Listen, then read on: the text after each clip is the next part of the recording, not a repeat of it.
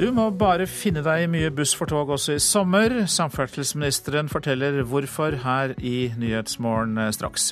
Ja, vi åpner Nyhetsmorgen med samferdsel, men andre saker denne halvtimen er eh, hvis britene havner på gangen i EU, kan Norge ende opp på fortauet, mener forsker. Hva mener en av dem som snakker Norges sak i Brussel? Kulturbudsjettene vokser, men folkebibliotekene sakker akterut. Og Sverige må slå Belgia i kveld for å ta seg videre i eh, fotball-EM. Her i studio i dag, Øystein Heggen. Ja, denne Buss for tog-sesongen som vi etter hvert er blitt vant til, starter til helgen. I sommer erstatter bussen tog mange steder, fordi Jernbaneverket skal fornye og vedlikeholde banen. Bevilgningene til vedlikehold er mer enn fordoblet på tre år, og togtrafikken er blitt mer punktlig. Men for Morten Kveseth, som pendler mellom Oppegård og Oslo med Østfoldbanen, så har buss for tog en dårlig klang. Eh, trengsel, litt dårlig kommunikasjon ofte. Eh, køståing. Også Torunn Andresen kan styres i begeistring. Det kjenner jeg er stress. Til går stort sett bra, men hjem er alltid en utfordring. Så jeg kjenner at det er ikke noe stas. Hva er det som er trøbbelet med det, da? Nei, så er det kanskje for få busser, og så går det ikke akkurat når det skal. Og så er det forsinkelser og ikke, ja. Så det er alltid noen utfordringer. Fra natt til lørdag og ut neste uke stenges Østfoldbanen mellom Oslo og Ski. Og det blir buss for tog, som det blir på mange andre strekninger i sommer. I hvert fall deler av døgnet. Stein Aasen, som bor på Kolbotn, er spent. Jeg håper at de i hvert fall har satt inn eh, nok av busser, at ikke busselskapene og Ruter også har sommerferie. For det er det som gjerne pleier å skje. På tre år har Jernbaneverket fått over dobbelt så mye penger til vedlikehold. Og persontogene er blitt mer punktlige. Nå skiftes det ut kjøreledninger, stolper, sviller og bruer. Og nord for Moelv jobber prosjektleder Sigbjørn Korsgård, 70 arbeidsfolk og et spesialtog med å bytte ut gammel ballastpukk på Dovrebanen. Det er for å eh, få et mer stabilt spor. Hvordan uh, må passasjerene uh, li mens dere holder på med jobb? Nei, Sånn som for jobben her nå, så er intercitytoga innstilt mellom Hamar og Lillehammer. Så det kjøres med buss da istedenfor tog mellom klokka seks på morgenen til tolv på formiddagen. Men det er det verdt? Ja, det er det definitivt verdt. Det vil gi en effekt senere på at togene går mer pålitelig og stabilt.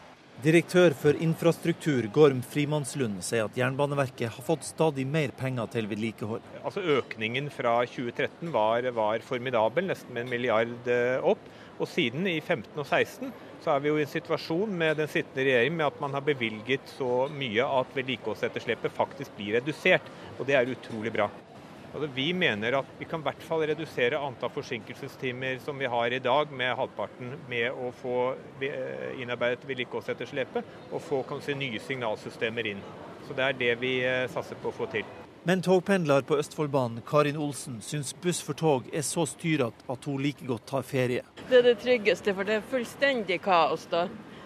Ukjente bussjåfører som ikke vet hvor de skal stoppe, hvor de skal kjøre. De kjører feil traseer. Ja, overfylte busser, busser som ikke går når de skal, osv. Reporter her, det var Kjartan Røslett. Samferdselsminister Ketil Solvik-Olsen, god morgen til deg. God morgen. Ja, kaotisk med buss for tog, hørte vi at mange passasjerer mener her. Kunne det vært unngått? Vi klarer ikke å unngå at når vi skal vedlikeholde jernbanen, så må vi sperre jernbanen for trafikk. Det er jernbanens natur. Den har ikke den samme fleksibiliteten som en vei, som en lett kan rute trafikken mot andre, andre strekninger. Men det er bedre når vi har planlagt vedlikehold, der vi faktisk kan forberede buss for tog og lignende, sammenlignet med de gangene der jernbanen bare kollapser og du må hooke inn busser uten forberedelser og uten å få varsla kundene. Så Det er litt ulike situasjoner her der jeg tror at folk gjerne forbinder kaosnedstengingene med de planlagte nedstengingene. Men jeg, skal, jeg, noterer meg det jeg hører i denne reportasjen, at det er mange som ikke er fornøyd når vi setter opp buss for tog. Og Da må vi åpenbart sørge for at vi blir bedre til å forberede dette. Ja, har du forsikret om at NSB og Jernbaneverket kanskje denne sommeren får det til å fungere bedre? Ja, Det må vi åpenbart gjøre. Så, så understreker jeg igjen at veldig mye av det som har vært jernbanens problem, har jo vært at det har vært så dårlig vedlikehold at ting stenger fordi at signalanlegg, sporveksler og lignende ikke fungerer. Og Da har du altså ikke tid til å forberede denne avbødende tiltaket. Da er det bare å skrape sammen det du får tak i av busser. Det som er fint med at vi planlegger vedlikehold og faktisk nå har dobla satsingen, det er jo nettopp det at vi òg har god tid til å forberede det som skal skje. Eh, og Det håper jo jeg at folk opplever at det er bedre nå enn det det har vært tidligere. Noen er kanskje overrasket over at en statsråd fra Fremskrittspartiet, altså bilpartiet framfor noe, er blitt eh, jernbanens beste venn med så mye penger til vedlikehold? Nei, Det burde den ikke være, fordi vi har vært opptatt av infrastruktur generelt. Både vei og jernbane, og akkurat i disse dager så seiler jo jeg hele kysten med ulike transportskip for å oppleve hva vi skal gjøre i Kystverkets eh, ansvarsområde. Men skal vi få folk til å få en bedre transporthverdag, så må de ha en infrastruktur som fungerer hver dag, og ikke der det er litt uh, lotteri om sporvekslene virker, eller om, om veien hvis den kjører bil, om den er god nok. Da må vi vedlikeholde av det vi er i gang med. Dette med punktligheten er jo blitt eh, bedre de siste åra. Nå tenker jeg på jernbanen da, først og fremst, men det er jo noe mer å gå på. Eh, når kan du som samferdselsminister med hånden på hjertet si at eh, ja, nå kommer toget fram når det skal, uansett regn og snø eller kulde? Ja, Vi har et vedlikeholdsetterslep som er veldig stort, og som har vokst hvert år i mange år. Nå først de siste to årene så reduserer vi forfallet. Det er fortsatt veldig mye vi må ta igjen, dessverre. Men vi får rapporter fra godsnæringen at deres uforutsette nedstenginger pga. dårlig vedlikehold har blitt redusert med nesten 70% på to år. Sånn at jeg tror folk gradvis vil se resultatene. Rett og slett at den sporveksleren eller det signalsystemet som har kollapser gang på gang, eller kjøreledningen på Jærbanen som blåser ned hver gang det er vind. Når man rett og slett bytter den ut med noe som er nytt og funker, ja, så blir det mindre problem. Eh, vi tryller ikke vekk alle problem eh, over natta, men eh, det vil bli mindre og mindre av det. Da ser folk økt regularitet, og de vil ha en annen tillit til jernbanen generelt.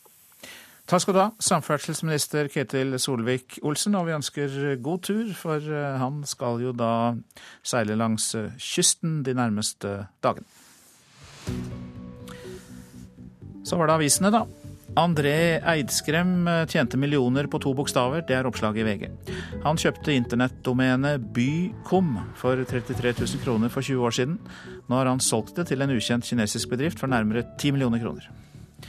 Eivind Reiten refser Statoil-kulturen i Dagens Næringsliv. Den tidligere Hydro-sjefen var en av arkitektene bak fusjonen mellom de to selskapene i 2007, men nå mener han Statoil bruker for mye penger, at det er lite igjen av den nøkterne industritenkningen som Hydro sto for. Nobelprisvinnerne May-Britt og Edvard Moser henter toppforskere, er oppslaget i Adresseavisen. En av dem er tyske Christian Døller, som skal ta i bruk Mosers forskning for å forstå Alzheimer. Cellene som dør i Alzheimers sykdom, er de samme gittercellene som de norske nobelprisvinnerne forsker på. Vi vil ikke leve som hunder, sier utenlandske sesongarbeidere som dokumenterer dårlige boforhold i Fedrelandsvennen i dag. Manglende brannsikkerhet, dårlige sanitærforhold og overfylte rom er avdekket på gardsbruk i Agder. Det kan koste britene dyrt, dyrt, å forlate EU, men eh, mange vil betale prisen fordi det betyr færre innvandrere, skriver Aftenposten.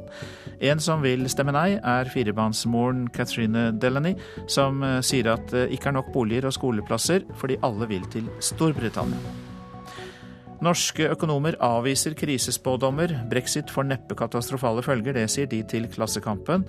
Avisa har snakket med fattige briter også, som ser på avstemningen i morgen som en sjanse til å vise sin misnøye.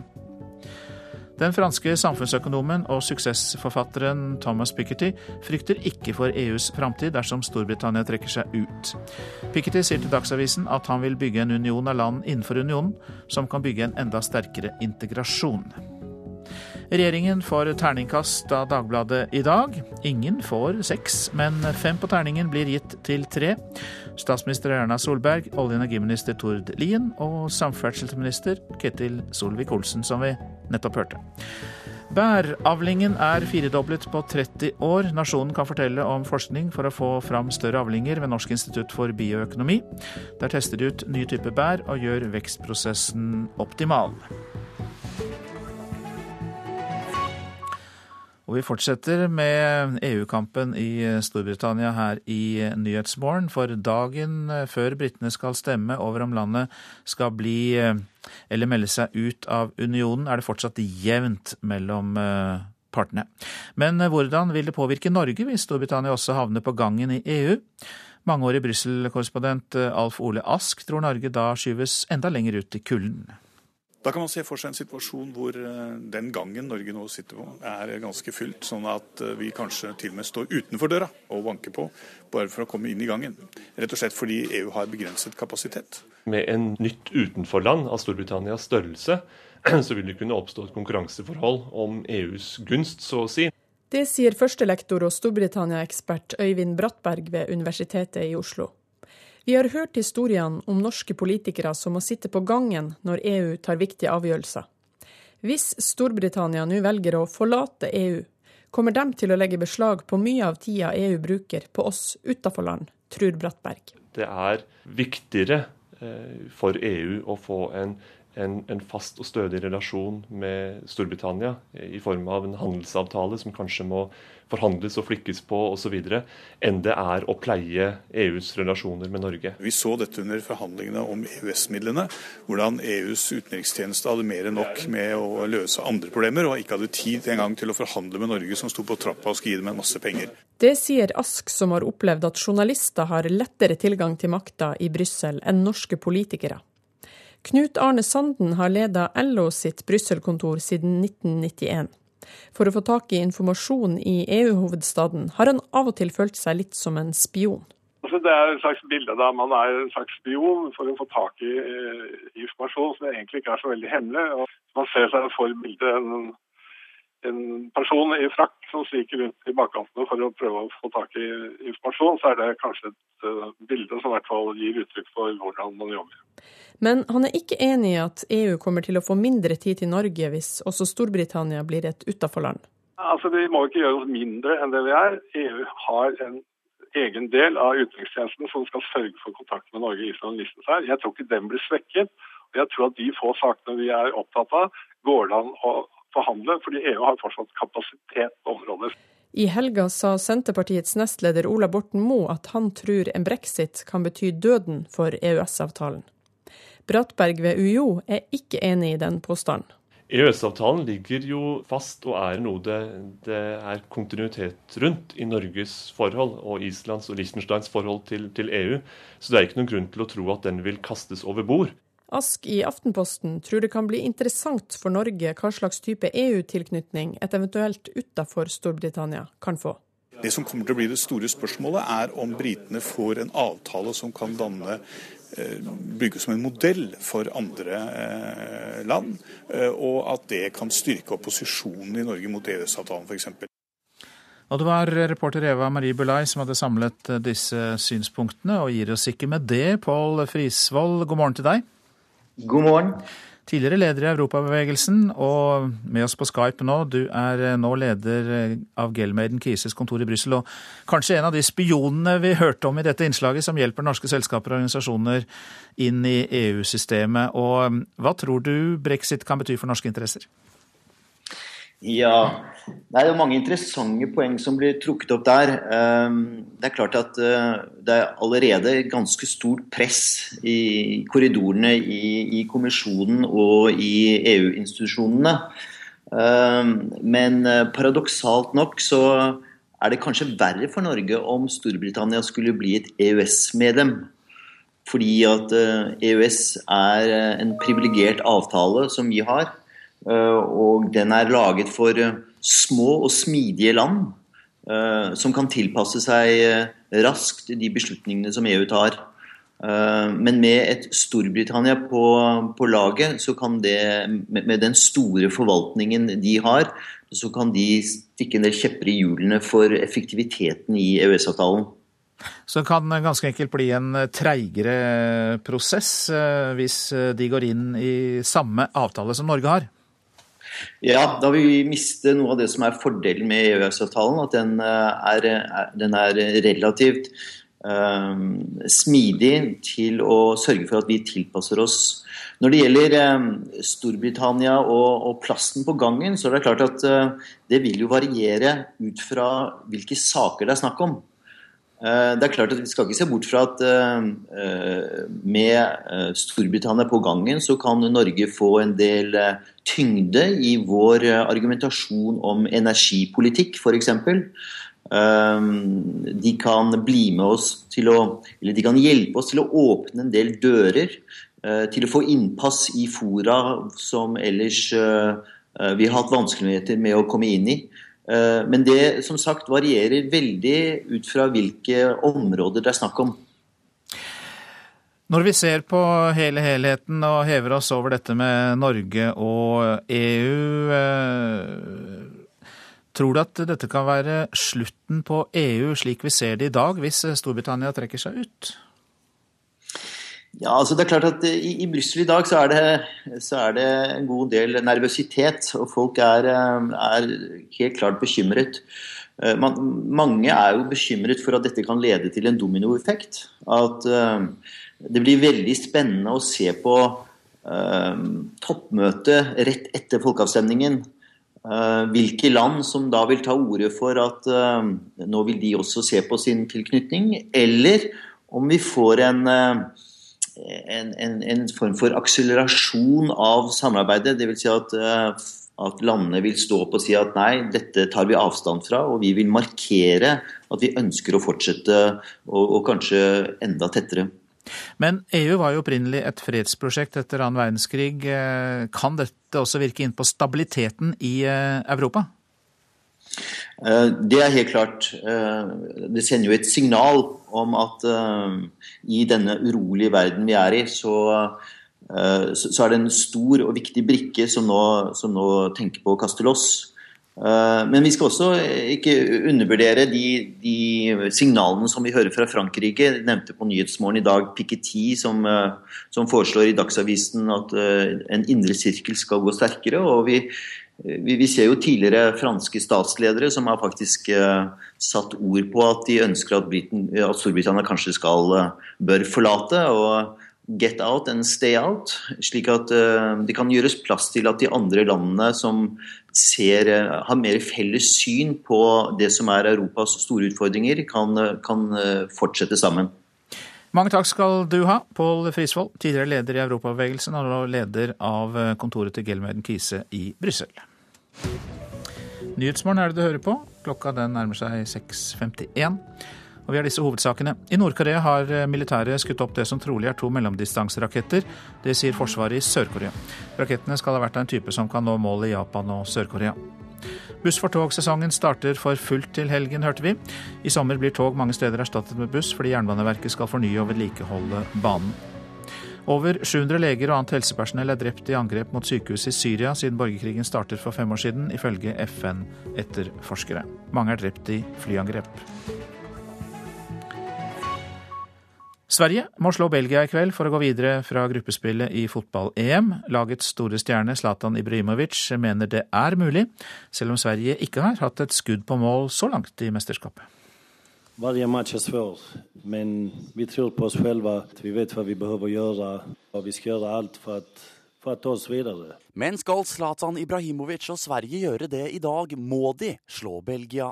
Erik Hamrens menn har ikke hatt en eneste avslutning på mål i EMs to første kamper. Vi har ikke fått, fått eh, til det så offensivt som vi har ønsket i de to matchene, men, men vi ser ikke så, så svart eller hvitt som som det blir i statistiken med noll avslutt på mål. Et avslutt mot Irland som går straks utenfor, kanskje til og med farligere enn et skott som kom midt på målvakten. Men mot Belgia, som er rangert som verdens nest beste lag, holder det ikke med skudd som går utenfor eller rett på målvakten. Vi har en match kvar, og, og vi, vi, vi, skal spille den og gjøre det bedre enn vi gjorde i første og andre matchen. Zlatan Ibrahimovic eh, sa det, og Sverige-Belgia kan du se på NRK1 eller høre på NRK P1 fra klokka ni i kveld. Kulturbudsjettene vokser, men folkebibliotekene sakker akterut. Det skjer til tross for at besøkstallene øker, og eh, så bruker altså norske kommuner mindre penger på bibliotekene. Og eh, det betyr en kraftig svekking av tilbudet, mener leder i Norsk bibliotekforening. I løpet av fem år er mer enn 80 bibliotek lagt ned, og nå ropes det varsko fra SVs Bård Vegar Solhjell. Har dere bøker av Johanne Hildebrandt, 'Saga om Valhall'? Innimellom hyllene på Hadsel bibliotek i Vesterålen er Inger Berg på leit etter ny sengelektyre. Hun er en av mange innbyggere i Stokmarknes som vet å sette pris på sitt lokale bibliotek. Men oppi alle år så har jeg fått veldig god service, og jeg er blitt så godt vant til at du Nordmenn besøker biblioteket sitt oftere enn før, viser tall fra SSB. Men Bibliotekene utgjør en stadig mindre del av kommunens kulturbudsjett og av de totale utgiftene i kommunen. Det sier kulturforsker Georg Arnestad ved Høgskolen i Sogn og Fjordane. Når kommunene løyver mindre penger til biblioteker, går det først og fremst utover innkjøp av bøker. Nå er jo det slik at En kjøper ikke inn bare ett eksemplar, men når mange skal vente på det samme eksemplaret om en så har kjøpt inn fem eller ti, så kan en bli litt lei. Etter hvert må en også spare inn på andre ting, fortsetter Mariann Skeide, leder i Norsk bibliotekforening. En kan også merke det at en får f.eks. kutta i åpningstid, at det blir færre timer. Arrangement går ned, for selv om arrangementer er gratis eh, for folk, så skal det planlegges, og det ligger et stykke arbeid bak. Så det, det, er mange måter fremover at publikum kan merke det. Hvis ikke kommunene får bibliotekutvikling høyere på, på dagsorden i eh, ordskiftet, så, så, så er utviklinga den at vi snart sitter igjen med ett uh, hovedbibliotek i, i uh, et minkende antall kommuner. Og, og, altså Den desentraliserte strukturen til bibliotekene er, er en saga blott. Nå vil SVs Bård Vegar Solhjell rope et høyt varsku Biblioteket er i dag et kommunalt ansvar, men Solhjell mener det nå må et nasjonalt løft til. Nå ser vi at biblioteket har tapt over lang tid. Da må vi ha et eget nasjonalt grep som sørger for en opptrapping som går til bibliotek over hele landet. Kulturminister fra Høyre, Linda Hofstad Helleland, mener det er opp til kommunene å prioritere folkebiblioteker. Jeg er veldig glad for at Solhjell er så engasjert i bibliotekene, og at uh, mange ser verdien av å, å, styrke bibliotekene. Det er viktig at mange står på for at uh, vi skal videreutvikle det tilbudet som bibliotekene rundt omkring i hele Norge uh, tilbyr befolkninga. Reportere Jan Inge Johansen og Helga Tunheim. Fra Hollywood-film til festivalsommer. Forfatteren Jo Nesbø har fått sin krimsuksess 'Snømannen' filmatisert, og nå skal han legge ut på en lang festivalsommer med bandet De Derre. Og Det er ikke så ofte de kommer med nye sanger lenger, men i år har de laget en hyllest til Oslo. Og vi var med på urpremieren på Oslos tak, eh, nemlig toppen av Grefsenkollen. Så skal vi spille for første gang en låt som eh, handler om å bo i Oslo. Det er en nøktern og litt uvanlig bypatriotsang de derre har skapt. For i de derre er det bare én ektefødt Oslo-borger, nemlig Unni Wilhelmsen, forteller frontfigur og låtskriver Jo Nesbø. Så vi hadde lyst til å lage en, eh, en låt fra vi som ikke visste at vi er glad i Oslo. Vi som på en måte har inngått et tvangsekteskap med Oslo på et eller annet tidspunkt. Og som så plutselig, når vi sitter i en uh, turnébil på vei hjem til Oslo, oppdager at vi har bodd lenger i Oslo enn noe annet sted og at vi rett og slett er blitt litt glad i Oslo. Jeg har aldri gått til land på hovedøen. Jeg har aldri sett kastanjer i bygd og allé.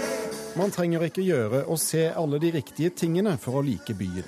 Gitarist Lars Jones håper de kan gjøre oslofolk litt stoltere med denne sangen. Så er det jo litt sånn at nesten nesten alle andre byer i landet, så er det, da er det hyllest, og da er det lov å være kjempepatriot. Men Oslo har liksom ikke hatt det. Det er ikke lov, det. For det, det er litt for stort. Litt for... Men nå, dette er en låt som er Det er liksom et oppgjør med det der. Vi, nå, nå går det an å hylle Oslo. I går kveld spilte de der på festivalen Over Oslo i Grefsenkollen. Et perfekt sted for premiere på en bysang for hovedstaden, sier trommeslager Espen Stenhammer. Det er klart at den Scenen her oppe på Grefsenvollen er helt magisk for publikum. Publikum ser ned på scenen, og de ser utover hele Oslo. Eh, så vi håper på at de hører etter på teksten, og at de på en måte kan nyte det og på en måte forstå det bildet som, eh, som, eh, som vi da beskriver i den låta. Gitarist og vokalist Unni Wilhelmsen anbefaler publikum å tenke praktisk. Hvis de har kikkert, så kan de se alle destinasjonene som Jo beskriver i teksten. Er dere klare? Ja! Er dere helt klare? Ok, gutter og jenter. Da er vi jo. Følg med.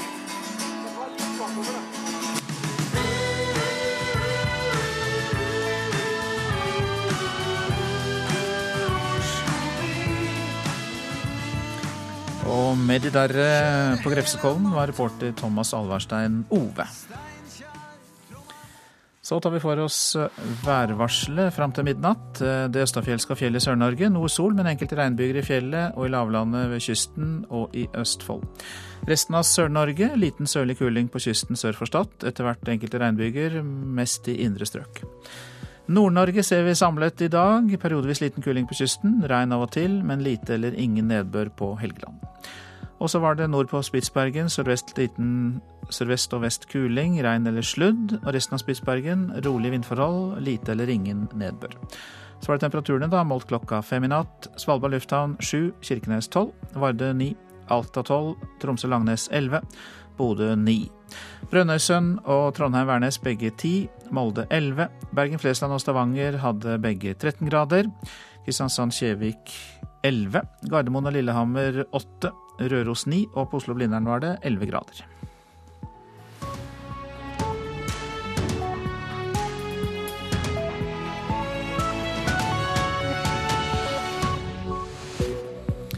Ja, EU-kampens største og siste debatt ble holdt i Storbritannia i går. Blir det nei til EU, bør 23. juni bli landets nye uavhengighetsdag. Det sier en brexit-tilhenger. Ja, Nyhetsmorgen eh, får inn eh, våre korrespondenter i London og Brussel eh, ganske straks, dagen for dagen. Vi skal også høre at Colombias president kommer til å erklære våpenhvile med FARC-geriljaen denne uka, etter det NRK kjenner til. Og flere pasienter har dødd av blodforgiftning fordi de ikke har fått behandling tidsnok, rapporterer norsk helsepersonell. Ja, i morgen må britene ha bestemt seg, for da er det folkeavstemning. Inn eller ut av EU. Og det var altså valgkampens største og siste debatt som ble holdt i går. Vote Remain. Better for the environment. For jobs. Better for security. Det var kampkveld på Wembley stadion i London. 6000 publikummere var på plass, men det var ingen fotballkamp de var kommet for å se. In my understanding, and certainly in my knowledge, we have never done anything on this kind of scale before. Vi har aldri gjort noe i denne skala før, sier Emily Maitlis. Hun er en av tre BBC-profiler som ledet debatten på Wembley i går. Hun roser britene for å ha holdt ut en lang og seig valgkamp. It's been three months, and I think our viewers have been so patient with the amount of politics we've thrown at them uh, through the airwaves in the run up to this referendum. But there does seem to be a real thirst for it. Vi har kastet politikk etter folk i altfor lang tid nå, men det er et behov for informasjon, sier BBC-programleder. Så har startskuddet for kampen gått. På scenen den nåværende og den tidligere borgermesteren i London. Sadiq Khan fra det britiske arbeiderpartiet Labour vil være en del av EU. Han blir skremt av Boris Johnson og argumentasjonen til de som vil ut. Mens Johnson kaller Khans kampanje 'Prosjekt frykt'. Første omgang handlet om økonomi, andre omgang om innvandring. Ekstraomgangene handlet om sikkerhet og selvbestemmelse. Men argumentene var de samme som britene har hørt så mange ganger før. Det nye var kanskje Boris Johnsons påstand om at Storbritannia kan få sin egen uavhengighetsdag.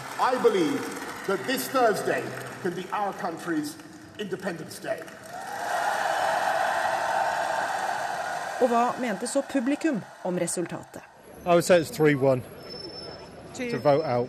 One nil to remain. to be honest, yeah, I'm with Gemma on that one. One nil to remain. A one a one nil to the Leave campaign. They scored a goal in the 94th minute. They didn't deserve to.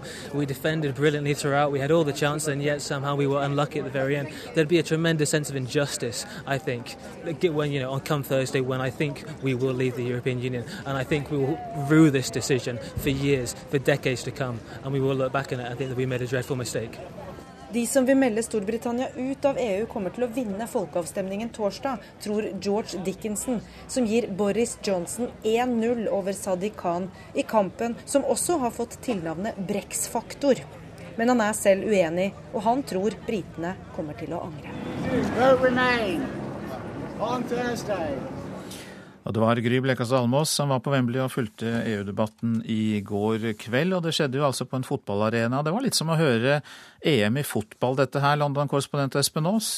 Debattanter skårer poeng nærmest på overtid. Ja, Det var vel det eneste som ellers minnet om eh, fotball oppe på, på, Wembley i går kveld. Men eh, det var eh, stort oppmøte og en sal som var altså delt på midten, som vi også hørte noen her. 3000 tilhengere av EU og 3000 som var tilhengere av at Storbritannia skal forlate EU. Publikum var nøye valgt ut på forhånd, slik at ikke det skulle bli en overvekt av den ene siden. Og Hva sier britiske medier om gårsdagens debatt? Det vil kanskje ikke overraske, men i likhet med publikummerne så er de også delt ut fra hvilket standpunkt eh, de har tatt i EU-saken. Daily Telegraph, som er tilhenger av at Storbritannia skal forlate EU f.eks., mener at Liv, eller Forlat EU-siden, var eh, den som vant, mens eh, aviser som The Independent og The Guardian, som mener at Storbritannia bør fortsatt være EU-medlem, mener da naturlig nok at det var motsatt eh, side som vant. Men det var uansett, for en som da er nøytral som meg som var der, eh, ikke noen som klarte å dominere debatten. Eh, spør du meg, så var det de som vil forlate EU som var best i starten, men så må jeg virkelig si at de som vil bli i EU, tok litt av en innersving på slutten. Da kom de veldig sterkt i en debatt som var ganske rotete og uoversiktlig til tider, med litt for mange debattanter. Ja, så har det vært en del snakk om skremselspropaganda fra begge sider. Eh, fikk du inntrykk av at det var noe av det i går også? Det henger fortsatt eh, veldig ved. Det er fortsatt en skremselspropaganda på hvor mange innvandrere som fortsatt har tenkt å komme til Storbritannia, og hvilket press det fortsatt eh, skal gjøre på både helsetjenester, skoleplasser og andre, offentlige tilbud. Og så er det stadig hvor galt det kan komme å gå med økonomien ved en eh, utmeldelse. Det er gjennomgående tone fra eh, begge sider. Og samtidig så er kanskje dette også de to temaene som er eh, de som går mest igjen, og som er noe av det som folk lurer mest på. Økonomi og innvandring. Ja, Du blir med oss videre, Espen Aas. Vi svinger innom EU en tur, for eurobyråkrater og politiske ledere der holder jo pusten. Eh, en brexit kan være begynnelsen på slutten, ikke bare for EU, men hele den vestlige politiske sivilisasjon. Intet mindre. Det sier EU-president Donald Tusk. The biggest fear for me is that this possible negative result can be also something like encourage for other Eurosceptical in Europe. It can be also something like a first step of the whole process of disintegration. It's, it's also quite real, especially in, uh, today with this you can, you, can, you can feel it, I think, also here in Portugal, this lack of confidence uh, uh, with Europe, with the EU, with institutions, but also among member states and uh, among people. You know, it's, uh, and this is why I think the risk is so, so real and, and, and, and so, mm, so massive. Europakorrespondent Tore Tollersrud, du er også med oss. Hvorfor er det så sterk frykt uh, for at brexit skal styrke euroskeptikerne også i resten av unionen? Jo, vi eh, hørte jo EU-presidenten eh, e selv, Donald Tusk, være ganske klar på dette her, at et, eh, en brexit vil være en veldig stor inspirasjon for, for euroskeptikerne. Og Tusk går så langt som å si at dette kan føre til oppløsning av hele EU. Og han har vel et poeng nå. Han sier at et, en mulig britisk utmeldelse er et symptom på at EU-prosjektet nå har svært liten folkelig oppslutning i, i, i EU. Eh, eh, det er slik at Euroskeptikerne er på kraftig frammarsj, f.eks. i Frankrike og eh, i Nederland. I Frankrike så sier jo Marine Le Pen, leder i Nasjonal Front, at hun skal sørge for at det blir en folkeavstemning i Frankrike også, dersom britene går ut. Og i Nederland så sier den temmelig ekstreme Gjert Wilders, som leder partiet PVV, det leder på meningsmålingene. Og han er også tydelig på at det blir folkeavstemning i Nederland over det samme temaet som nå britene skal inn i. Hva er det første EU gjør da, hvis britene går ut, Tore Tollersjø? Jo, EU eh, e har jo eh, kommet med ganske eh, klare advarsler til britene om at de virkelig skal få lide dersom de går ut. Det, det skal bli årelange forhandlinger. Tosk har snakket om at dette skal ta sju år, først to, to år. Bare for å bli enige om premissene. Og så skal alle 27 land bli enige om hva slags tilknytning britene skal ha til EU, og det kan ta fem år til. Eh, Tysklands eh, finans, eh, finansminister Wolfgang Schäuble har jo sagt at inne er inne og ute er ute. Og sier tydelig og advarer virkelig britene om at de skal tas hardt dersom de velger å gå ut. Espen Aas, hvordan forholder britene seg til disse dystre spådommene om langtrukne forhandlinger og ikke noe så særlig velvillig EU etter et eventuelt utmeldelse? Det har vært en av de klareste advarslene som eh, David Cameron også har eh, kommet med. Han har sagt at eh, vi setter i gang dette umiddelbart. Vi trykker på knappen med en gang dersom det er et flertall for å forlate EU, med en advarer om at dette kommer til å ta lang tid, og har også vist til den canadiske handelsavtalen, som nok er den som er den mest favoriserende fra de som vil ut av EU, og vist til at det tok mange, mange år, og at ingen må bli overrasket om noe tilsvarende kommer til å skje for Storbritannia Storbritannias eh, del. Eh, de som vil forlate EU, har jo fnyst veldig av mange av disse advarslene og sier at dette handler mye om spill, og at de har så stor egeninteresse pga. sine egne posisjoner også, eh, at de kommer til å si dette bare for å skremme folk. Tollesju, kan vi bruke begrepet straffereaksjoner fra Brussel hvis britene velger å melde seg ut? Ja, Det er jo nærmest det som kommer, altså trusler om hvor tøft de skal få det. Og eh, jeg tror noe av årsaken til at de bruker eh, disse ordene, er at de vil skremme andre fra å gjøre det samme.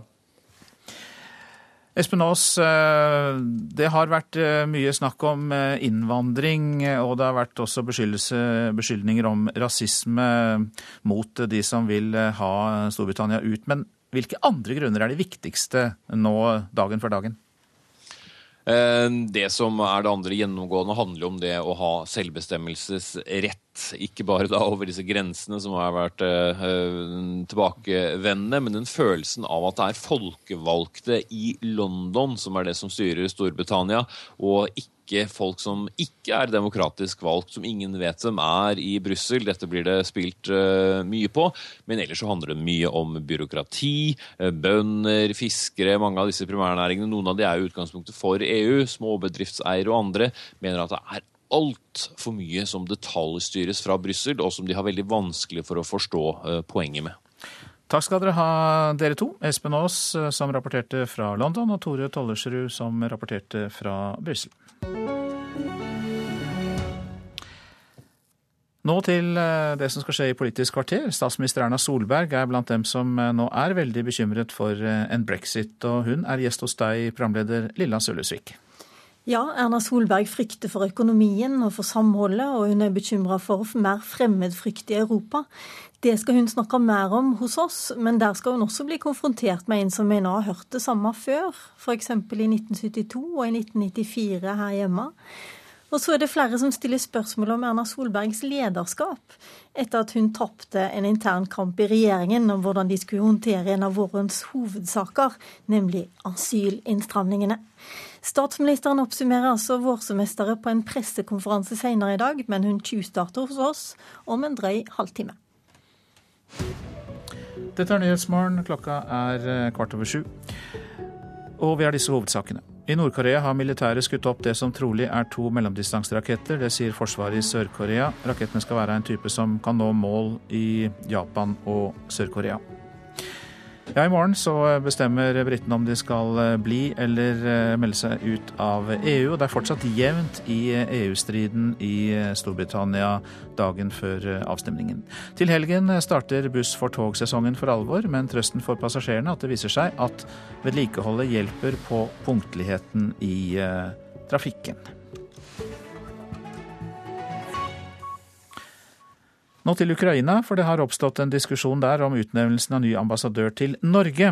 I helgen kunngjorde president Petro Porosjenko at Vjatislav Jatsjuk skal sendes til Oslo, etter at posten som ambassadør har stått tom i mer enn to år.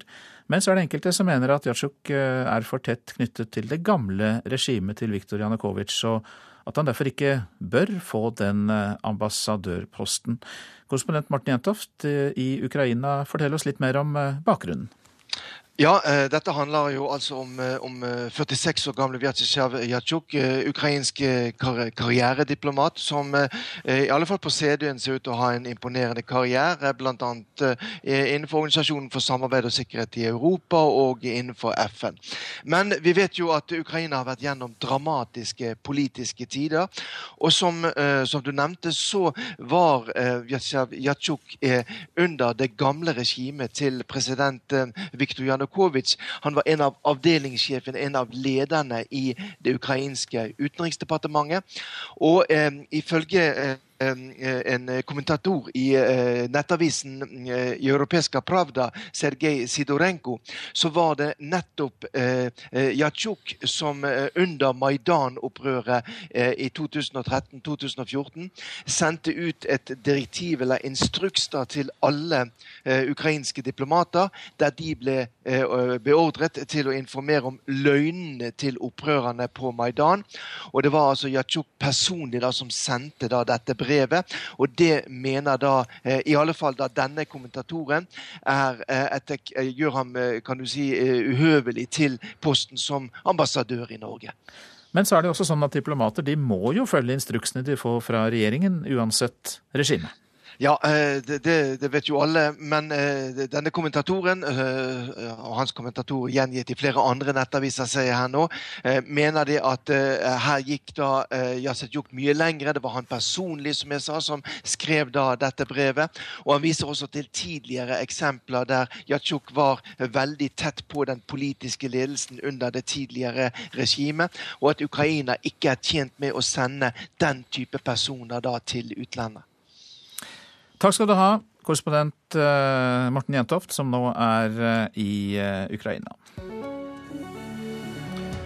Tre Abu Sayyaf-opprørere er drept i en redningsoperasjon på den filippinske øya Yolo, melder nyhetsbyrået DPA. Målet for aksjonen var å frigjøre nordmann Kjartan Sekkingstad og filippineren Marties Flår, som har vært holdt som gisler siden september. Vi har nettopp fått inn disse opplysningene, og korrespondent Peter Svaar, du er på Filippinene og du er eh, med oss. Hva mer vet du? Ja, Det hærens talsmann på Mindanao fortalte til filippinske aviser her i går kveld, eh, Filemon Tan, det er at det var kraftige kamper ved 14-tiden i eh, går ettermiddag, der tre Abu Sayyaf-soldater skal ha blitt drept og ti Abu Sayyaf-krigere såret. Også 16 regjeringssoldater fra den filippinske hæren som skal ha blitt såret i disse kampene. og eh, Hærtalsmannen sier at eh, de eh, hadde skytninger i over 1 12 time med om lag 200 Abu Sayyaf-soldater.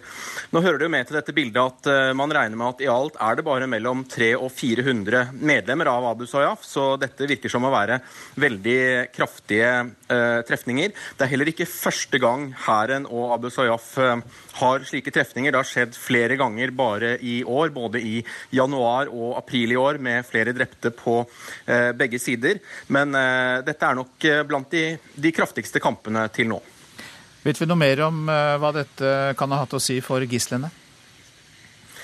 Nei, det vet vi jo ikke, annet enn at vi vet at de eh, så langt ikke er eh, frigitt.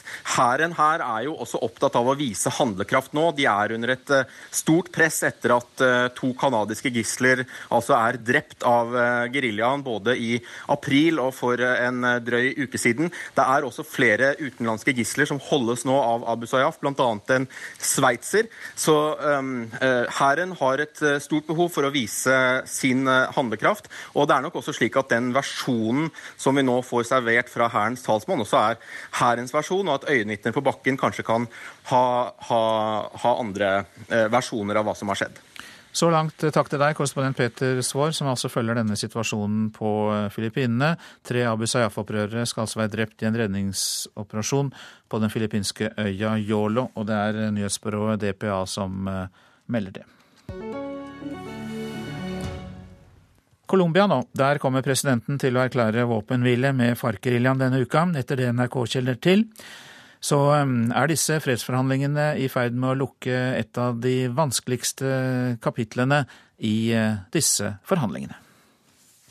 Tenemos información amplísima que ellos están preparados para volver a la guerra y a la guerra urbana. Dette er Colombias president Juan Manuel Santos, som advarer om at FARC-geriljaen er klare til å flytte krigen fra landsbygda og inn til byene dersom fredsforhandlingene bryter sammen.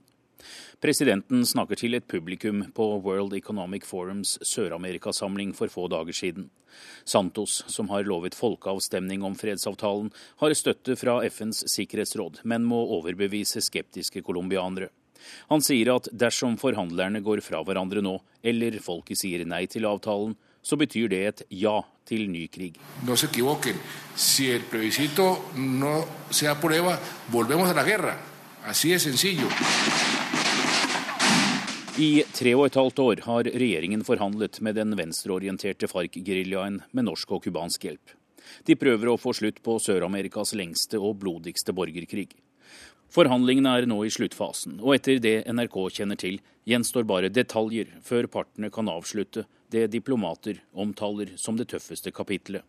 Et veikart som ender kamphandlingene, avvæpner FARC og i praksis oppløser geriljaen. De hadde opprinnelig gitt seg selv en frist til midten av mars med å bli enige om dette punktet. USAs president var på Cuba omtrent samtidig, men eh, da var ikke tida inne. Colombianske medier melder at Colombia denne uka vil erklære en gjensidig våpenhvile. Et avgjørende skritt på veien til en endelig fredsavtale. El Tiempo skriver at presidenten selv allerede i morgen reiser til forhandlingslokalet i Havanna for å kunngjøre et gjennombrudd. NRK har grunn til å tro at FNs generalsekretær, flere utenriksministre fra landene som støtter fredsprosessen, bl.a. Norges Børge Brende, også vil være til stede når partene trolig undertegner delavtalen før helga. Det ses på som et historisk øyeblikk, selv om hæren trolig ikke stanser jakten på FARC-medlemmer før en endelig avtale er signert. Blir det en delavtale om demobilisering og våpenhvile, så gjenstår diskusjonen om hvordan partene skal iverksette det de har forhandlet om i tre og et halvt år. Det kan ta minst tre-fire måneder til før den 50 år lange krigen i Andesfjellene på papiret er over. Og først da starter den vanskeligste oppgaven. Anders Tvegård, Washington. Så skal vi si litt om det avisen er opptatt av i dag. André Eidskrem tjente millioner på to bokstaver, er oppslaget i VG. Han kjøpte internettdomenet Bykom for 33 000 kroner for 20 år siden. Nå har han solgt det til en ukjent kinesisk bedrift for nærmere 10 millioner kroner. Eivind Reiten refser Statoil-kulturen i Dagens Næringsliv. Den tidligere Hydro-sjefen var en av arkitektene bak fusjonen mellom de to selskapene i 2007, eh, men nå mener han Statoil bruker for mye penger, og at det er lite igjen av den nøkterne tenkningen som Hydro sto for. Nobelprisvinnerne May-Britt og Edvard Moser henter toppforskere, er oppslaget i Adresseavisen. En av dem er tyske Christian Døller, som skal ta i bruk Mosers forskning for å forstå Alzheimer. Cellene som dør i Alzheimers sykdom, er de samme gittercellene som de norske nobelprisvinnerne forsker på. Vi vil ikke leve som hunder, sier utenlandske sesongarbeidere som dokumenterer dårlige boforhold i Fædrelandsvennen. Manglende brannsikkerhet, dårlige sanitærforhold og overfylte rom er avdekket på gardsbruk i Agder. Det kan koste britene dyrt å forlate EU, men mange vil betale prisen fordi det betyr færre innvandrere, skriver Aftenposten. En som vil stemme nei, er firebarnsmor Catherine Delany, som sier det ikke er nok boliger og skoleplasser fordi alle vil til Storbritannia. Og den franske samfunnsøkonomen og suksessforfatteren Thomas Piketty frykter ikke for EUs framtid dersom Storbritannia trekker seg ut. Han sier til Dagsavisen at han vil bygge en union av land innenfor unionen som kan bygge opp en enda sterkere integrasjon.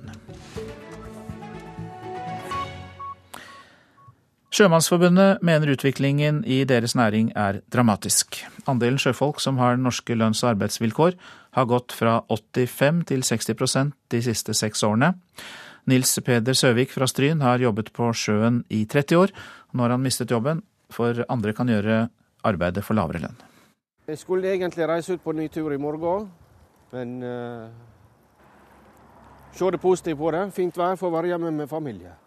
Eh. Han viser stolt frem bilder på mobilen sin av livet på sjøen.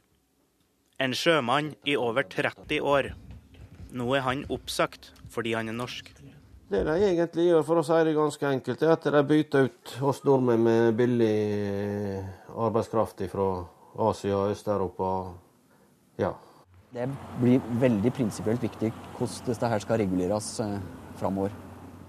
Det sier politikk- og myndighetskontakt i Sjømannsforbundet, Stian Grøthe. Stadig færre som jobber på båt, har norske rettigheter.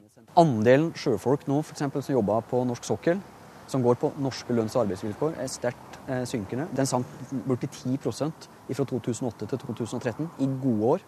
Nå er det dårlige tider i offshorebransjen. Nå har det her akselerert voldsomt. Faktisk anslår Sjømannsforbundet at andelen er ned i 60 og da mister norske sjømenn jobben. Det er helt åpenbart at innenfor offshorenæringen så er situasjonen veldig krevende. Og det handler jo om markedssituasjonen og om overkapasitet i markedet. Det sier næringsminister Monica Mæland. Vi har gått igjennom reglene for eh, NIS-flagging bl.a., som medfører at vi etter 1.3 har fått hjemflagget 19 skip. Det er bra, og det sikrer norske sjøfolk. Ikke nok, mener Grøthe i Sjømannsforbundet. Eneste løsningen vi ser, er at du får regulert det her på samme måten som på land. Det er at det stilles krav til at det som eh, foregår eh, i norske farvann til å regulere basis, det skal være med norske lønns- og arbeidsvilkår skal ligge i bøtten for den virksomheten. Vi skulle gjerne sett at eh, man hadde mulighet til å bruke norsk mannskap i større grad. Det er viktig å opprettholde norsk maritim kompetanse. Det sier kommunikasjonsdirektør i Norges Rederiforbund, Erik Gjerksky. Men det er likevel slik at Norge er en av de største skipsfartnasjonene i verden, og er helt avhengig av å kunne hyre inn folk fra alle nasjoner eh, med rett kompetanse og til konkurransedyktige vilkår. En fattig trøst for matrosen i Stryn. Nils Peder Søvik syns at også dem som har fått jobben hans, bør ha norske lønns- og arbeidsvilkår. Første burde iallfall at det skal være norske lønninger på norske båter. Og, eller, ja, selv om det er de åpner for NIS og det skal De slår seg på brystet de får ha norsk flagg med utenlandsk mannskap, så bør det iallfall være norske lønninger og, det, og betingelser. Har ikke vi det, så er alt vekk. Ja, det mente Nils Peder eh, Søvik, som altså jobbet på sjøen i 30 år før han eh, mistet jobben. Og reporter var Borgar Sagbakken. Dette er Nyhetsmorgen. Produsent i dag Anne Jetlund Hansen. Og her i studio Øystein Heggen. I reportasjen etter Dagsnytt kan du høre hvordan mennesker på flukt klarer å gjøre sine religiøse plikter under den islamske høytiden ramadan. Og I Politisk kvarter oppsummerer statsminister Erna Solberg det siste halvåret i politikken. Og hun eh, sier også hva hun mener om en eventuell britisk utmeldelse av EU.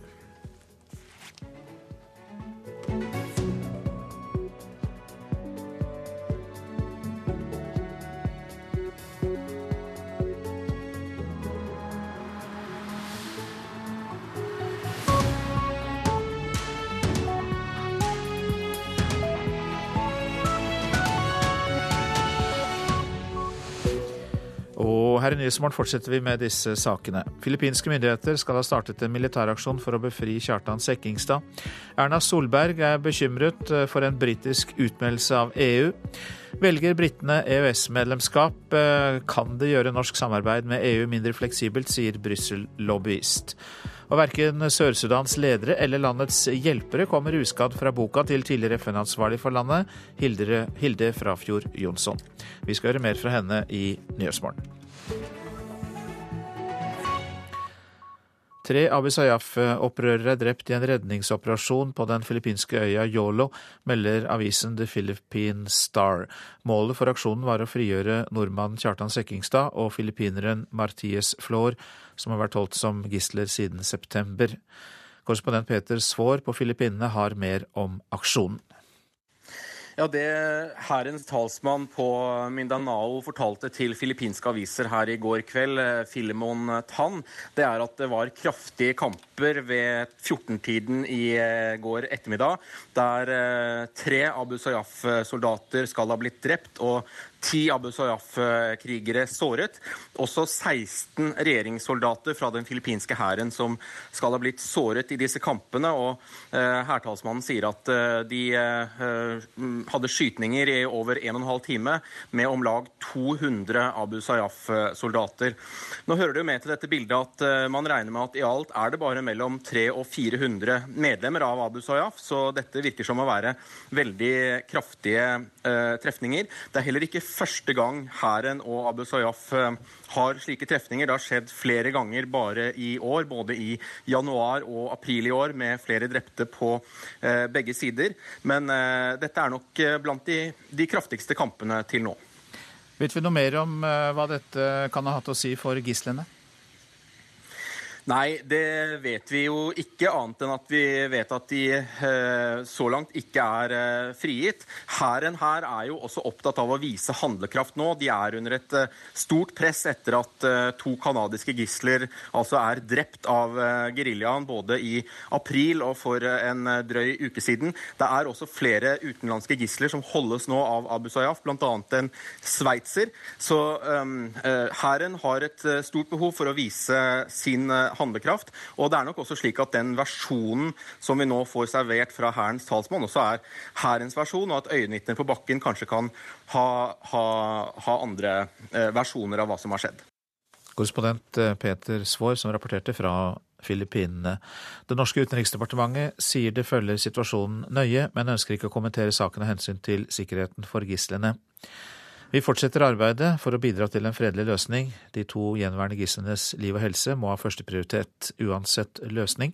Det sier kommunikasjonsrådgiver i UD, Rune Bjåstad.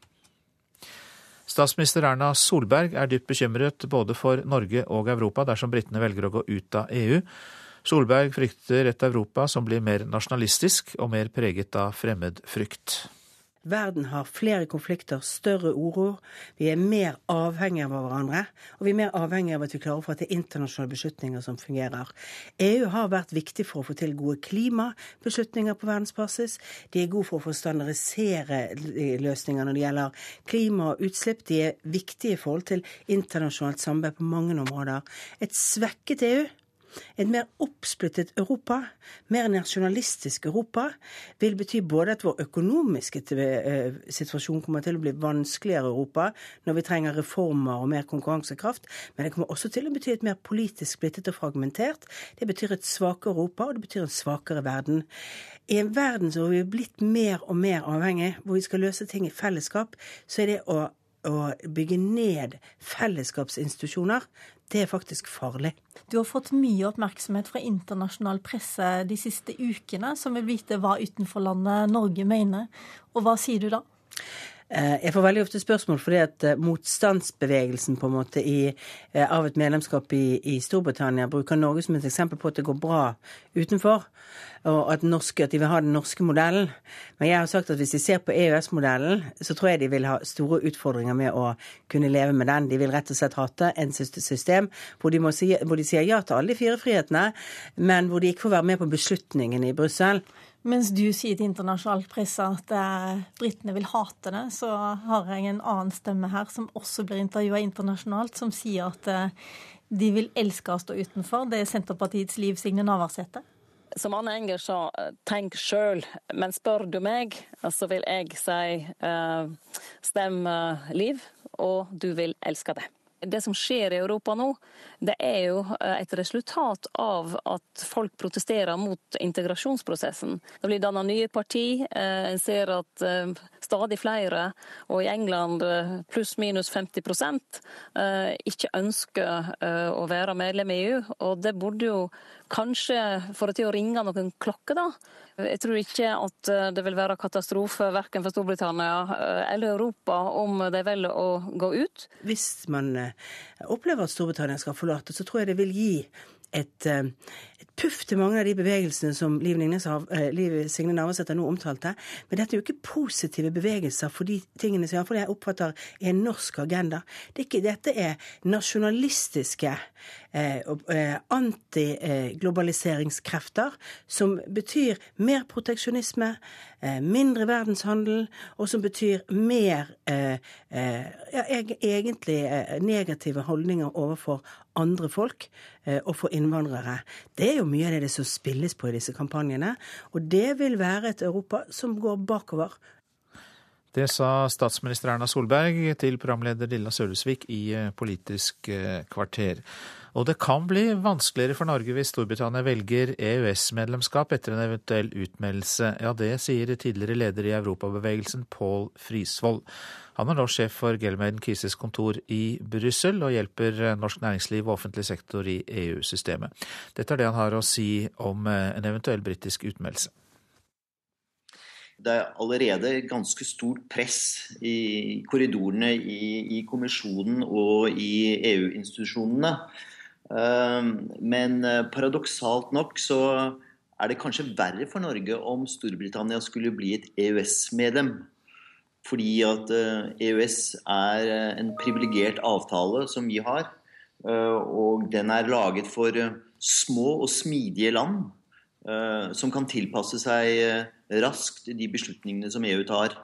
Men med et Storbritannia på, på laget, så kan det, med den store forvaltningen de har, så kan de stikke en del kjepper i hjulene for effektiviteten i EØS-avtalen. Så det kan ganske enkelt bli en treigere prosess eh, hvis eh, de går inn i samme avtale som Norge har? Ja, da vil vi miste noe av det som er fordelen med EØS-avtalen. At den eh, er, den er relativt smidig til å sørge for at vi tilpasser oss. Når det gjelder um, Storbritannia og, og, plassen på gangen, så er det klart at uh, det vil jo variere ut fra hvilke saker det er snakk om. Eh, det er klart at Vi skal ikke se bort fra at eh, eh, med Storbritannia på gangen, så kan Norge få en del tyngde i vår argumentasjon om energipolitikk, f.eks. De kan bli med oss til å Eller de kan hjelpe oss til å åpne en del dører. Til å få innpass i fora som ellers vi har hatt vanskeligheter med å komme inn i. Eh, men det som sagt varierer veldig ut fra hvilke områder det er snakk om. Når vi ser på hele helheten og hever oss over dette med Norge og EU, eh, tror du at dette kan være slutten på EU slik vi ser det i dag, hvis Storbritannia trekker seg ut? Ja, altså det er klart at I, i Brussel i dag så er, det, så er, det, en god del nervøsitet. Og folk er, er helt klart bekymret. Eh, man, mange er jo bekymret for at dette kan lede til en dominoeffekt. At uh, det blir veldig spennende å se på uh, toppmøtet rett etter folkeavstemningen. Uh, hvilke land som da vil ta ordet for at nå vil de også se på sin tilknytning. Eller om vi får en en, en, en, form for akselerasjon av samarbeidet. Dvs. Si at, eh, at landene vil stå opp og si at nei, dette tar vi avstand fra, og vi vil markere at vi ønsker å fortsette, og, og kanskje enda tettere. Pål Frisvold sa det, tidligere leder av Europabevegelsen og leder av Gelmen Kises kontor i Brussel eh, nå. Så til eh, litt samferdsel, for Buss for tog-sesongen starter for fullt til helgen, fordi Jernbaneverket skal fornye og vedlikeholde banen. Selv om vedlikeholdet de senere år har gjort togtrafikken mer punktlig, så har Buss for tog en dårlig klang for Morten Kveseth, som pendler mellom Oppegård og Oslo. Eh, trengsel, litt dårlig kommunikasjon ofte. Eh, køståing. Også Torunn Andresen kan styres i begeistring. Det kjenner jeg stress til går stort sett bra, men hjem er alltid en utfordring. Så jeg kjenner at det er ikke noe stas. Fra natt til lørdag og ut neste uke stenges Østfoldbanen mellom Oslo og Ski. Og det blir buss for tog, som det blir på mange andre strekninger i sommer. I hvert fall deler av døgnet. Stein Aasen, som bor på Kolbotn, er spent. Jeg håper at de i hvert fall har satt inn eh, nok av busser, at ikke busselskapene og Ruter også har sommerferie. For det er det som gjerne pleier å skje. På tre år har Jernbaneverket fått over dobbelt så mye penger til vedlikehold. og persontogene er blitt mer punktlige. Nå skiftes det ut kjøreledninger, stolper, sviller og bruer. Og nord for Moelv jobber prosjektleder Sigbjørn Korsgård, 70 arbeidsfolk og et spesialtog med å bytte ut gammel ballastpukk på Dovrebanen. Det er for å eh, få et mer stabilt spor. Og Kundene opplever det først og fremst som at toget går stødigere. Så det er, et, det er en vesentlig oppgradering av jernbanen. Direktør for infrastruktur Gorm Frimannslund sier at Jernbaneverket har fått stadig mer penger til vedlikehold. Så er vi jo i en situasjon med den sittende regjering med at man har bevilget så mye at vedlikeholdsetterslepet faktisk blir redusert. Og det er utrolig bra. Men togpendler på Østfoldbanen Karin Olsen syns buss for tog er så styrete at hun like godt tar ferie. Det er fullstendig kaos. da. Ukjente bussjåfører som ikke vet hvor de skal stoppe, overfylte busser osv. Reporter her var Kjartan Røslett. Dette er Nyhetsmorgen. Klokka er straks 8.45. Og dette er hovedsaker. Filippinske myndigheter skal ha startet en militæraksjon for å befri Kjartan Sekkingstad og filippineren Marties Flor, som ble tatt som gisler i september i fjor. Erna Solberg er dypt bekymret for eh, en britisk utmeldelse av EU. Solberg frykter et Europa som blir mer nasjonalistisk. Barn har måttet legge seg sultne, sier Sven Mollekleiv. Røde Kors-presidenten kritiserer behandlingen av asylsøkere. Mer om det litt seinere. Sør-Sudan, The Untold Story, heter boka som Hilde Frafjord Jonsson lanserte i London i går kveld. Hun var FNs spesialutsending til Sør-Sudan med ansvaret for alle FNs operasjoner i det nye landet da det brøt sammen i 2013. Hilde Frafjord Jonsson, god morgen til deg. God morgen. Du er med oss fra London, og første spørsmål blir selvfølgelig hvordan dette landet kunne kollapse og ende i krig bare to og et halvt år etter uavhengigheten. Den har vel ikke egentlig kollapset helt, men det har vært en borgerkrig eh, som eh, har eh, gjort enorme ødeleggelser og har brakt eh, en humanitær krise som er den nest største i verden etter Syria. Eh, og selvfølgelig eh, er økonomien på dunken, og det meste har, har gått galt. hvordan det kunne skje, er, er det jeg prøver å svare på på 300 sider i denne boken. Eh, og det viktigste kanskje svaret på det er at eh, ledelsen i eh, Sør-Sudan de klarte ikke å løse sin egen politiske krise. Mange gjorde forsøk på å bidra til det, men ingen lyktes. De spilte et veldig høyt spill og bidro til å helle bensin på bålet fremfor å roe ned situasjonen. Og da, når det smalt mer eller mindre tilfeldig, i presidentgarden eh, noen skudd, så var det eh, lille som skulle til før det sto i fyr flamme, rett og slett. Og da kom også den etniske spenningen til overflaten, og da var det gjort. Men uh, dette er jo en beskrivelse av uh, landets ledere og de konfliktene som uh, lå der og ble utløst. Men landets hjelpere kommer heller ikke uskadd fra boka di? Nei, det er klart Alle har et uh, ansvar uh, for uh, denne situasjonen, men det er ingen tvil om at det ligger først og fremst på SPLM, altså regjeringspartiets ledelse, og ikke minst disse to, Riyak Mashar og Salwa Kiir, som har også ikke forsøkt i tide å stoppe konflikten, og heller ikke tatt tak i overgripere og andre som nå må stilles til ansvar for sine handlinger. Det internasjonale samfunnet har eh, gjort ganske mye i forhold til det å få til fredsforhandlinger. Eh, og prøve å få på plass eh, en avtale som kan holde, og som kan bidra til varig fred. Jeg har ikke noen spesiell kritikk av det internasjonale samfunnet, men det jeg sier helt på slutten av boka, er at denne avtalen er veldig krevende å gjennomføre, og de som har vært fødselshjelpere til den, kan ikke nå løpe vekk fra Sør-Sudan Eh, og eh, si bye bye. Eh, de må nå stille opp og være med på å øke presset, slik at avtalen gjennomføres. Til slutt, Det er vel et paradoks at de som skal skape fred, er de som skapte ufred? Salwa Kiir og Rik Mashar, altså de to lederne? Ja, det er et stort paradoks. Og det er litt av det samme problemet i en god del fredsforhandlinger. De som er de krigførende partene, er ofte de som får eh, muligheten til å legge premissene ved forhandlingsbordet for fred. Eh, det er veldig sjelden at folk vil forhandle seg selv ut av regjeringskontorene. Nesten dessverre, vil jeg si. Eh, og det som da skjer, det er at de blir værende i en overgangsfase, og det er enigheten man kom frem til også i forhold til denne avtalen for fred i Sør-Sudan. Det som er tilfellet, er at det vil være valg om 30 måneder. Jeg antar i begynnelsen av 2019. Og det er et helt åpent spørsmål. Både hvem som da stiller til som kandidater, og hvordan eh, forløpet til eh, dette skal skje. Og igjen en kjempeutfordring både å sørge for at det ikke igjen øker, eh, et konfliktnivå økes, og det samme eh, sørge for at det er en forsoning som skjer mellom nå og denne valgdagen. For uten det eh, så har ikke freden en sjanse. Til slutt, har Norge noe bidrag å komme med der? Norge har en veldig viktig rolle å spille. Eh, Norge har vært med i prosessen eh, med å støtte opp om denne forhandlingen sammen med de andre troika-kollegaene USA og Storbritannia.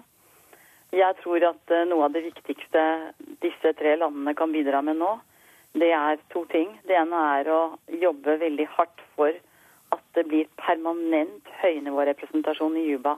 Disse to lederne, og for øvrig resten av ledelsen i regjeringen, tror jeg ikke klarer å sikre en gjennomføring uten et skikkelig press ved f.eks. at AU, altså Den afrikanske unions spesialrepresentant, er til stede i Juba og eh, er der permanent for å dytte dette på, dytte på, dytte gjennom og sørge for at dette skjer. Eh, at avtalen eh, gjennomføres. Og det andre jeg tror er veldig viktig, det er at det skjer en forsoning på toppnivå mellom de to lederne spesielt. For ellers så kan vi ikke uh, få dette til å fungere. Nei, da er vi tilbake der igjen. Mange takk skal du ha for den informasjonen om Sør-Sudan. Hilde Frafjord eh, Jonsson, som altså har skrevet boka 'Sør-Sudan The Untold Story'.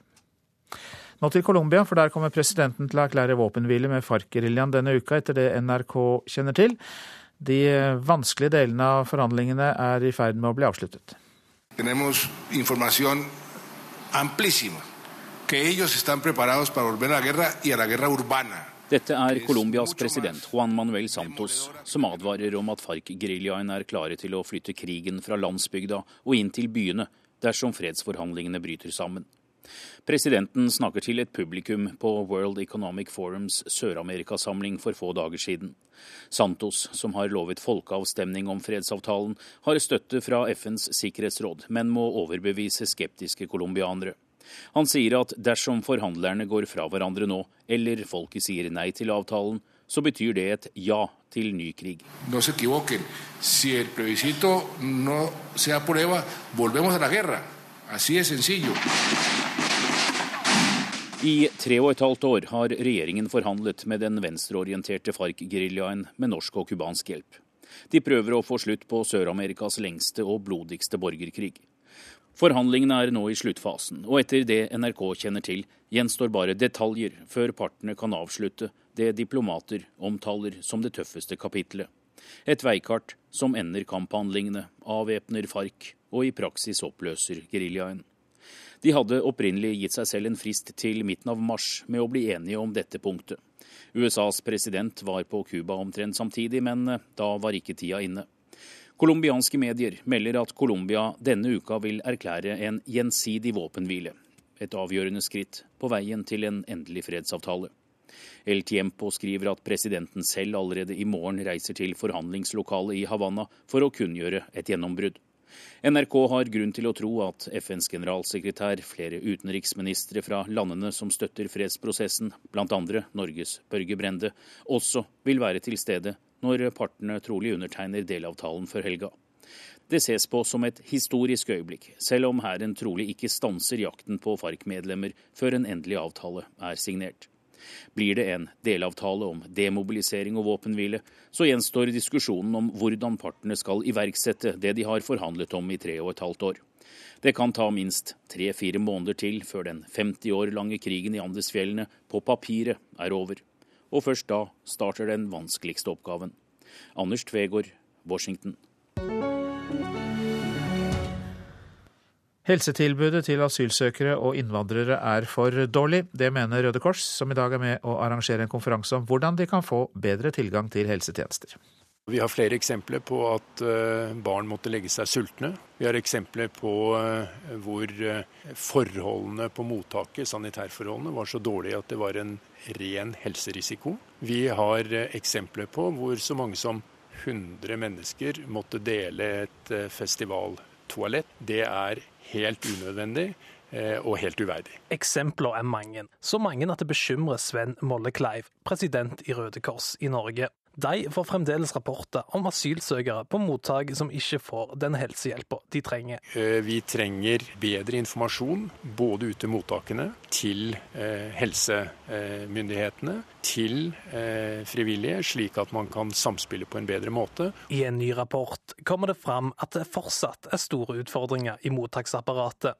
Manglende kapasitet og koordinering har vært en helserisiko for asylsøkerne helt siden i høst. Ansvaret er eh, hos myndighetene. Det sier Sven Molle Kleiv, som får støtte fra lege og leder i Råd for legeetikk, Svein Aarseth. Altså, legeetikken er helt klar på at vi primært skal gi hjelp til de som trenger det, uavhengig av eh, han nær sagt deres status for øvrig.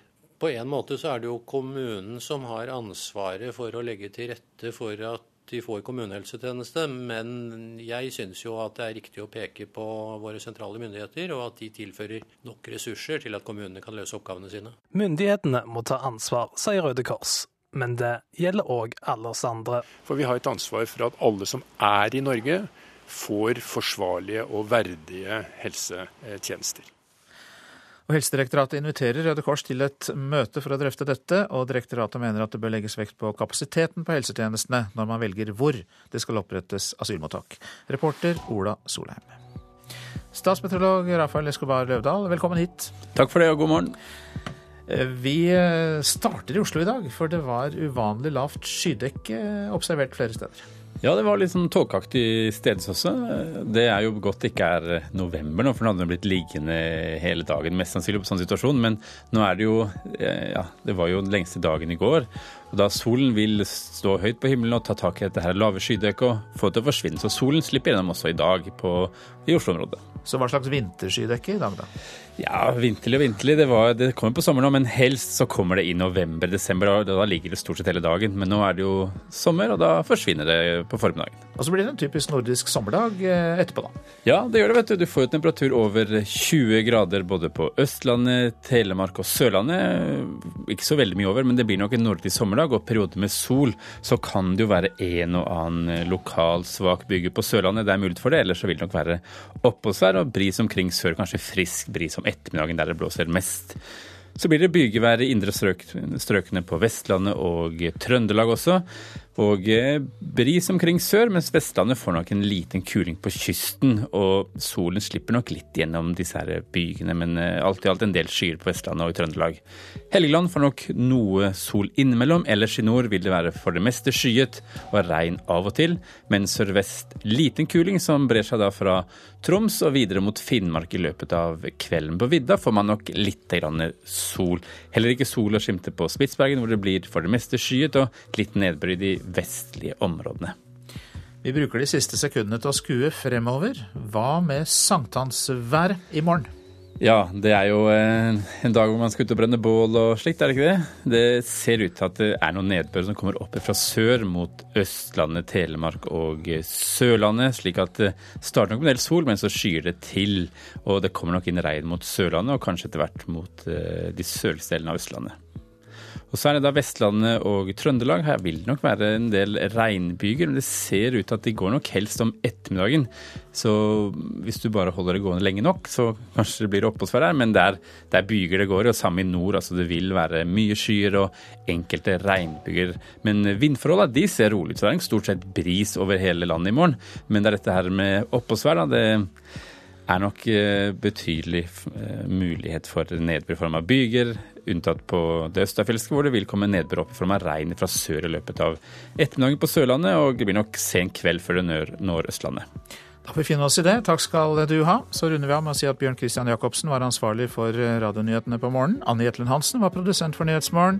Teknisk ansvarlig Espen Hansen. Og ved mikrofonen i dag Øystein Heggen.